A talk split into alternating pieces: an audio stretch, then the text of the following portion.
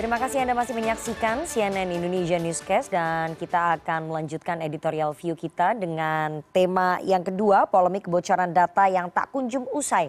Saya akan kembali menyapa para narasumber. Ada Wakil Pemimpin Redaksi CNN Indonesia Revolusi Riza dan Kepala Pemberitaan Korporat Tempo Budi Setiarso. Mas Revo, kita bahas di topik kedua ini ya, bahwa kebocoran data kembali terjadi. Ini data pemilik KPU, kemudian data 1,3 miliar operasi telekom, operator telekomunikasi, surat presiden kepada BIN. Dari kacamata media melihat uh, pemerintah gagal mengatasi kebocoran data ini berulang kembali terjadi mas? Ya ini memang bikin stres ya nak bocoran data ini kita sebagai warga negara ini uh, melihat bahwa kok bisa gitu uh, hmm. ya tapi memang ini kan terjadi sejak lama gitu kita kita misalnya sebagai pelanggan dari perbankan gitu misalkan tiba-tiba bisa ditelepon oleh apa uh, pelaku finansial yang lain gitu ya. Eh, menawarkan kartu kredit lah eh, agunan dan apa pinjaman tanpa agunan dan lain sebagainya gitu. Nah itu kan kita bertanya-tanya kok bisa data kita kemudian tersebar ke lembaga finansial yang lain? Padahal data ini harusnya menjadi data pribadi nah sekarang lebih parah lagi ketika ketika kita masuk dalam digitalisasi memang pandemi kemarin kan mempercepat salah satunya mm, blessing dari pandemi itu adalah Eh, kita mempercepat proses ke arah digitalisasi gitu ya. Nah tapi tapi kemudian eh, ketika kita mulai masuk ke era lebih cepat digitalisasi ini eh, sayangnya tidak dibarengi dengan sistem keamanan yang cukup mumpuni gitu. Hmm, hmm. Kita kita diharuskan mengisi beberapa aplikasi-aplikasi yang memang ini akan memudahkan kita dalam kehidupan sehari-hari harus diakui ya Eh, bahwa kita misalnya dengan uh, adanya QR QRIS misalnya ini akan mempermudah proses transaksi finansial. Kemudian bagaimana kita bisa melakukan apa namanya absensi di secara digital, kemudian bekerja secara digital dan sebagainya. Uh, hmm. Kemudian tracking kita pada masa pandemi melalui peduli lindungi dan lain sebagainya. Bahkan di sekolah-sekolah misalnya kita juga harus mengisi anak-anak kita memasukkan Eh, kartu keluarga dan lain lain sebagainya gitu eh, ke dalam eh, apa sistem sistem sekolah yang yang kita sendiri kemudian sebenarnya mempertanyakan apakah data data pribadi kita ini cukup aman atau tidak ketika kita masukkan dan kita lihat sekarang belakangan makin banyak hacker-hacker yang bisa membobol data data pribadi kita. Nah ini kan artinya apa ya kita melihat bahwa keamanan perlindungan terhadap data pribadi ini uh, harus semakin urgent gitu hmm. adanya undang-undang uh, perlindungan data pribadi ini harus urgent harus segera segera ada untuk melindungi okay. kita semua walaupun memang nak uh, hari ini juga saya menerima beberapa foto yang agak miris gitu. Misalnya uh, salah satu senior kita dari jurnalistik misalnya mas uh, Wahyu Muryadi ya, Wahyu Muryadi rekannya Mas Budi Setiarso juga, desainer Mas Budi Setiarso di Tempo, hari ini di beberapa grup mengirimkan foto yang fotonya ini foto nasi bungkus gitu, tumpukan nasi bungkus yang nasi bungkusnya itu dibungkus menggunakan fotokopi kartu keluarga. Jadi lengkap dengan nicknya, nick uh, anggota keluarga uh, masing uh, apa yang ada di kartu keluarga gitu. Eh, menjadi bungkusan eh, nasi bungkus yang dibagikan ya. kepada orang-orang. Jadi artinya, nah ini kan juga membahayakan ketika data-data uh, okay. alamat, tanggal lahir, NIK itu tersebar begitu gampangnya. Itu ya. secara offline. Secara online kita juga banyak dibobol gitu kan sistem keamanan kita masih belum belum baik. Nah ini yang yang saya rasa harus menjadi apa ya harus menjadi concern bersama terutama dari Kementerian komunikasi dan informatika dan juga komisi yang ada di eh, DPR untuk segera uh, apa ya menerapkan sebuah regula, sebuah ada adanya menelurkan sebuah regulasi yang bisa melindungi data-data pribadi kita karena jangan Baik. sampai kemudian data-data pribadi kita ini disalahgunakan sehingga merugikan masyarakat juga gitu. Oke. Okay. Oke, uh, kita nanti bicara soal RUU PDP, tapi sebelum saya masuk ke situ, saya ingin tanya lagi ke Mas Buset. Mas Buset, dengan berulangnya kebocoran data uh, masyarakat Indonesia, menurut kacamata Tempo, ini pemerintah tidak serius tampaknya ya untuk mengatasi persoalan kebocoran data, Mas. Oke, begini ya. uh, kalau kita melihat perkembangan terakhir, itu kan kita juga bisa menyaksikan bahwa apa yang selalu didengung-dengungkan soal 4.0, digitalisasi dan segala Ya. macam itu memang lebih banyak di slogan ya. Kalau kita Hmm. perhatikan eh, ya memang ini ada dua hal yang mempengaruhi. Yang pertama tentu saja eh, apa literasi digital kita gitu ya di masyarakat kita itu ya memang belum belum mencukup gitu ya tentang kesadaran mem- mempertahankan data pribadi. Kita bisa melihat ya eh, di banyak-banyak grup WA bagaimana kartu keluarga atau KTP atau kartu-kartu apa pun yang mengandung data-data kita itu disirkulasikan dengan mudah gitu ya misalnya di RT boleh nggak saya dikirimi kartu keluarga untuk jadikan bla bla bla dan segala macam? Itu kan sebetulnya eh, digital safety kita itu juga belum terlalu tinggi gitu. Tapi yang lebih parah lagi adalah bagaimana eh, pemerintah kita itu selalu gagap melihat eh, kejadian-kejadian pembocoran seperti ini ya kita lihat yang terakhir ya misalnya informasi bobolnya surat-surat rahasia ke presiden itu dibantah sedemikian rupa oleh pemerintah Ya. bahwa tidak ada kebocoran, datanya di enskrip, eh, di apa dilindungi dan segala macam sehingga tidak ada kebocoran. Tapi pada saat yang sama eh, apa pemerintah juga memerintahkan untuk memproses secara hukum Hmm. menggunakan undang-undang ITE. Nah ini kan ada dua hal yang saling bertolak belakang. Di satu sisi meng- mengatakan tidak ada pembocoran, tapi di satu sisi juga me- menyuruh mengejar ya. pelakunya. Ini eh, kegagapan semacam ini saya kira yang selalu kita lihat dalam eh, setiap kejadian. Ya memang itu eh, prosedur normal ya dibantah dulu. Yang penting masyarakat tenang dulu gitu kan. Tapi kan bukan itu sebetulnya solusinya. Eh, kita mesti eh, apa berharap kepada pemerintah bahwa ini kebocoran data ini bukan sebuah ke- kejadian atau eh, peristiwa yang ringan. Ini adalah sebuah peristiwa yang menyangkut hal-hal privasi kita, termasuk mungkin keamanan ya tentang alamat, tentang eh, tanggal lahir kita, tentang nik dan seterusnya itu kan eh, data-data yang sebetulnya tidak berupa tidak sekedar angka-angka ya, tapi di situ berkaitan dengan hak-hak dasar eh, warga Oke. negara gitu ya, termasuk dalam hal ini adalah keamanan sehingga responsnya mestinya tidak tidak cukup dengan membantah, tidak dengan eh, statement-statement yang eh, agak menggelikan gitu ya, bagaimana me- menghimbau Hmm, hmm. kertas data agar tidak menyerang. Nah ini kan eh, satu statement-statement yang tidak membuat kita tuh merasa aman, justru merasa oh ini kok nggak kompeten ya pemerintah kita dalam Oke. melindungi data-data pribadi kita. Jadi di sisi pemerintahnya memang eh, bagaimana apa slogan-slogan 4.0 itu tidak dibarengi dengan kemampuan untuk untuk menjaga eh, data-data, tapi di sisi lain di masyarakat kita kesadaran terhadap keamanan digital kita itu memang juga belum eh, terlalu menjadi perhatian gitu ya.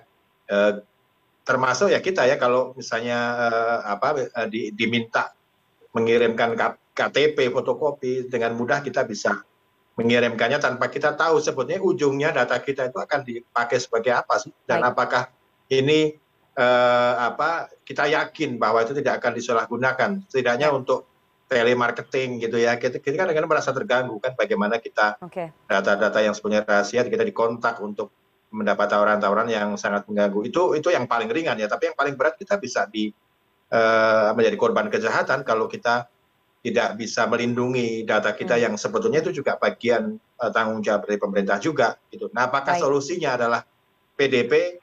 Saya kira eh, betul ada ada apa namanya kewajiban untuk melindungi secara hukum Hmm. menggunakan eh, aturan-aturan yang lebih ketat penggunaan data, ancaman terhadap yang membocorkan dan segala macam. Tapi tentu saja ada banyak jebakannya di situ ya. Ya. Kita mesti harus juga melihat detailnya aturan itu seperti apa sih. Saya kira itu. Oke, oke. eh, tadi Mas Buset mengatakan soal kegagapan pemerintah, soal respon pemerintah Hmm. yang melakukan bantahan terhadap adanya peretasan ataupun kebocoran-kebocoran data.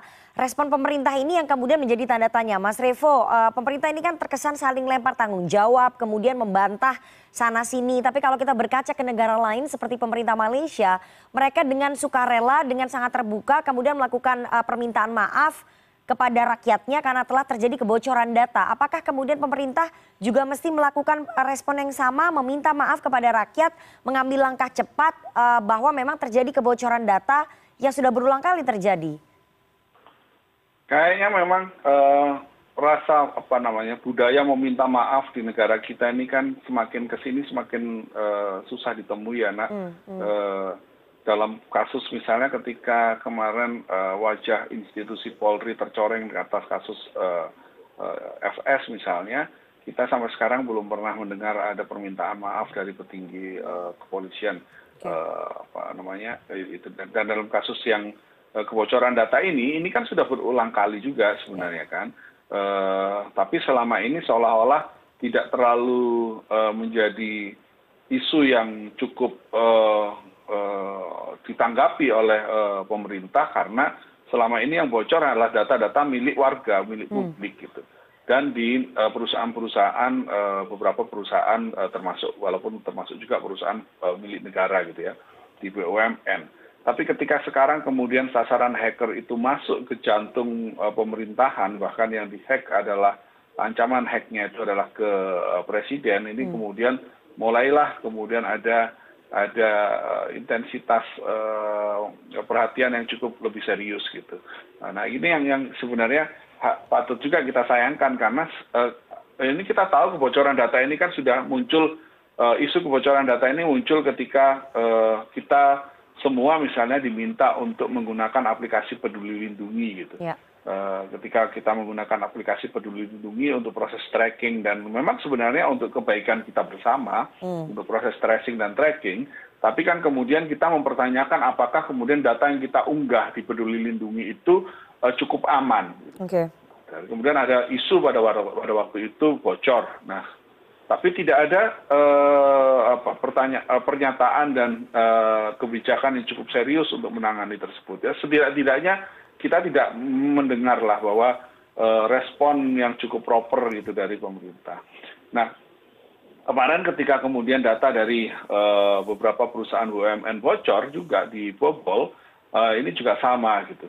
Nah, sekarang barulah kemudian ketika uh, uh, ada hacker bernama Bjorka ini yang yang kemudian mengancam akan membobol uh, uh, uh, data milik presiden gitu. Okay. Nah ini uh, saya pikir memang kita dalam satu sisi ya harus ber, ber, berterima kasih juga kepada Bjorka ini karena ini juga menumbuhkan rasa uh, keseriusan yang lebih tinggi kepada dari pemerintah hmm. uh, supaya bahwa uh, isu pembobolan dan kebocoran data pribadi ini merupakan isu yang cukup serius gitu. Baik. Karena penyalahgunaannya bisa rentan terjadi gitu oleh okay. oleh masyarakat yang lain. Nah, nah ini ini ini yang yang kalau misalkan ditanya apakah respon pemerintah kemarin ya, ya saling melempar tanggung jawab dari Kominfo kemudian sampai kemudian ke BSSN mengatakan bahwa ini adalah tanggung jawab bersama misalnya. Saya rasa memang tepat bahwa ini memang tanggung jawab bersama gitu. Ya. Di satu sisi ada memang harus dibangun kesadaran publik, uh, kesadaran kita bersemua bahwa ada yang namanya data pribadi yang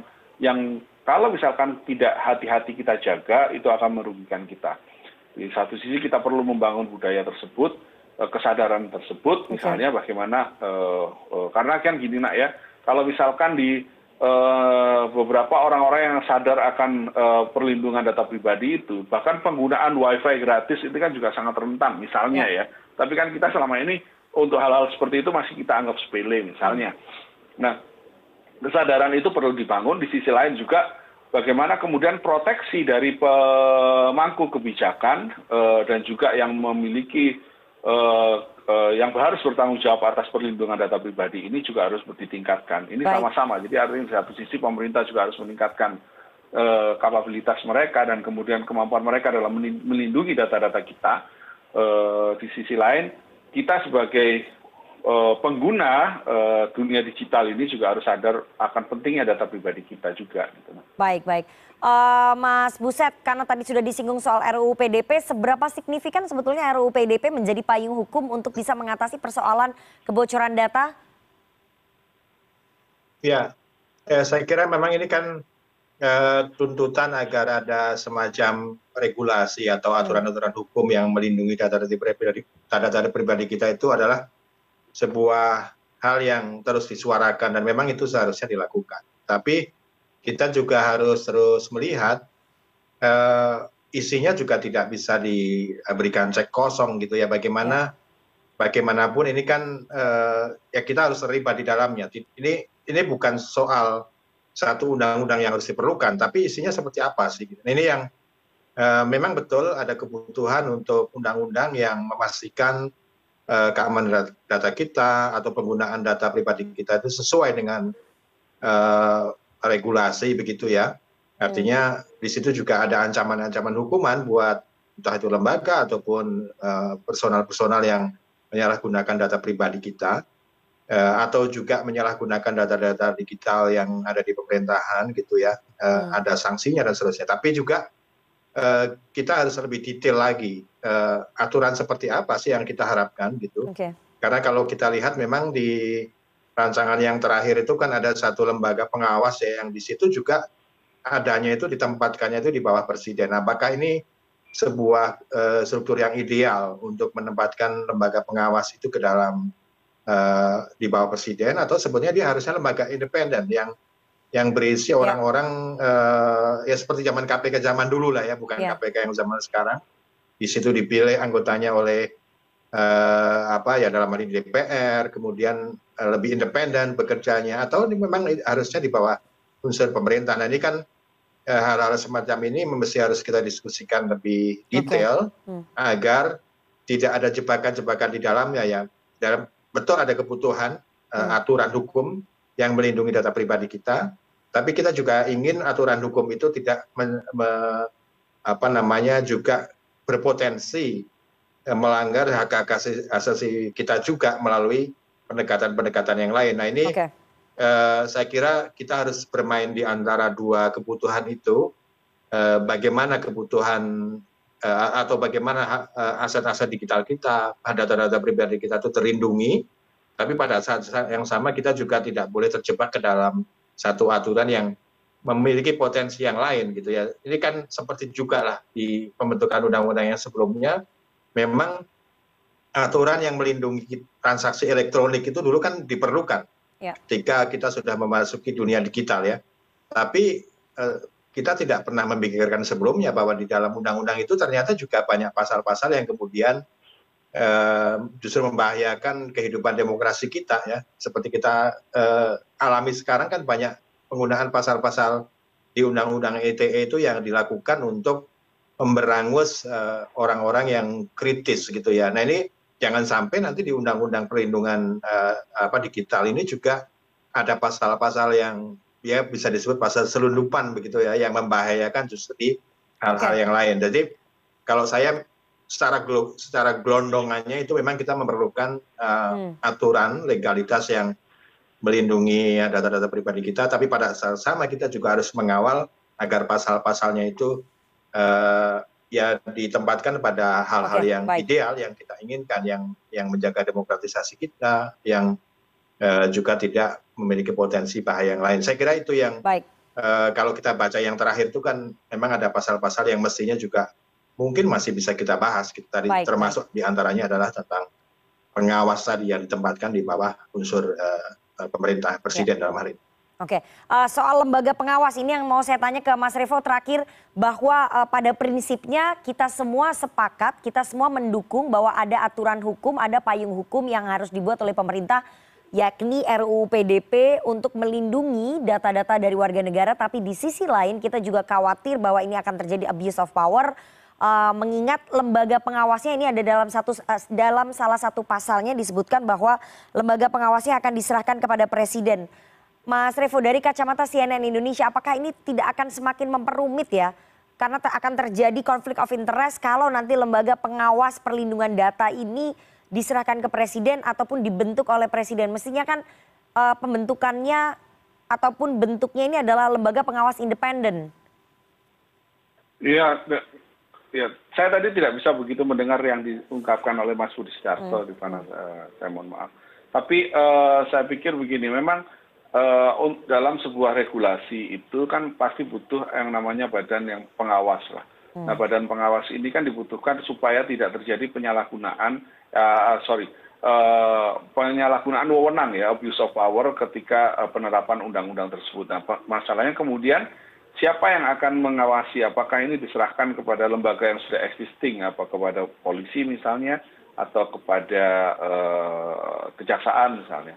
Nah, uh, adanya uh, kalau melihat beberapa sektor yang lain dalam penyiaran misalnya ada Komisi Penyiaran Indonesia Indonesia ya KPI yang yang juga menjadi komisi yang mengawasi pelaksanaan penyiaran. Nah, lantas bagaimana dengan di dunia digital? Ini kan juga kita belum ada uh, bagaimana uh, siapa yang akan mengawasi dan sebagainya. Termasuk juga nanti ketika uh, dalam persoalan undang-undang perlindungan data pribadi. Nah kalau misalkan lembaga ini di bawah langsung oleh presiden memang dikhawatirkan presiden kekuasaannya menjadi semakin tinggi. Dan kalau misalkan presidennya cukup demokratis tidak menyalahgunakan wewenangnya mungkin akan kita akan baik-baik saja. Tapi kalau misalkan uh, kekuasaan itu uh, presiden ada di bawah sosok yang sangat-sangat uh, otoriter misalnya maka itu akan menjadi persoalan baru. Nah memang akan lebih baik kalau dalam kacamata kita badan pengawas ini merupakan badan independen yang dipilih juga secara mekanismenya memang pada akhirnya memang mekanisme pemilihan secara kalau melewati perwakilan ya uh, dipilih oleh publik artinya dipilih uh, uh, melalui proses artinya keterwakilan di DPR mau tidak mau.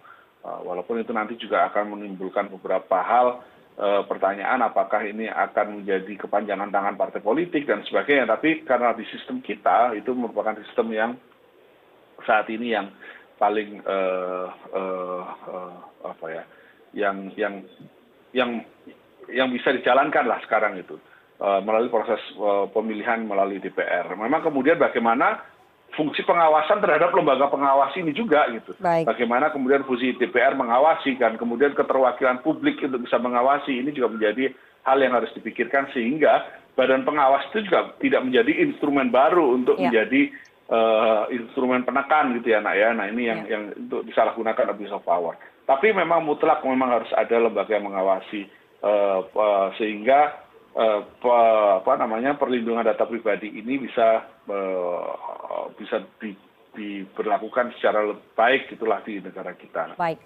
Baik. Kita tunggu nanti bagaimana langkah cepat pemerintah dalam mengatasi persoalan kebocoran data yang terus-menerus terjadi dan di sisi lain kita tetap akan mengawal rancangan undang-undang perlindungan data pribadi atau undang RUU PDP yang sekarang ini sedang dibahas oleh Komisi 1 DPR dengan Kominfo. Terima kasih sekali para narasumber yang sudah bergabung pada editorial view pekan ini.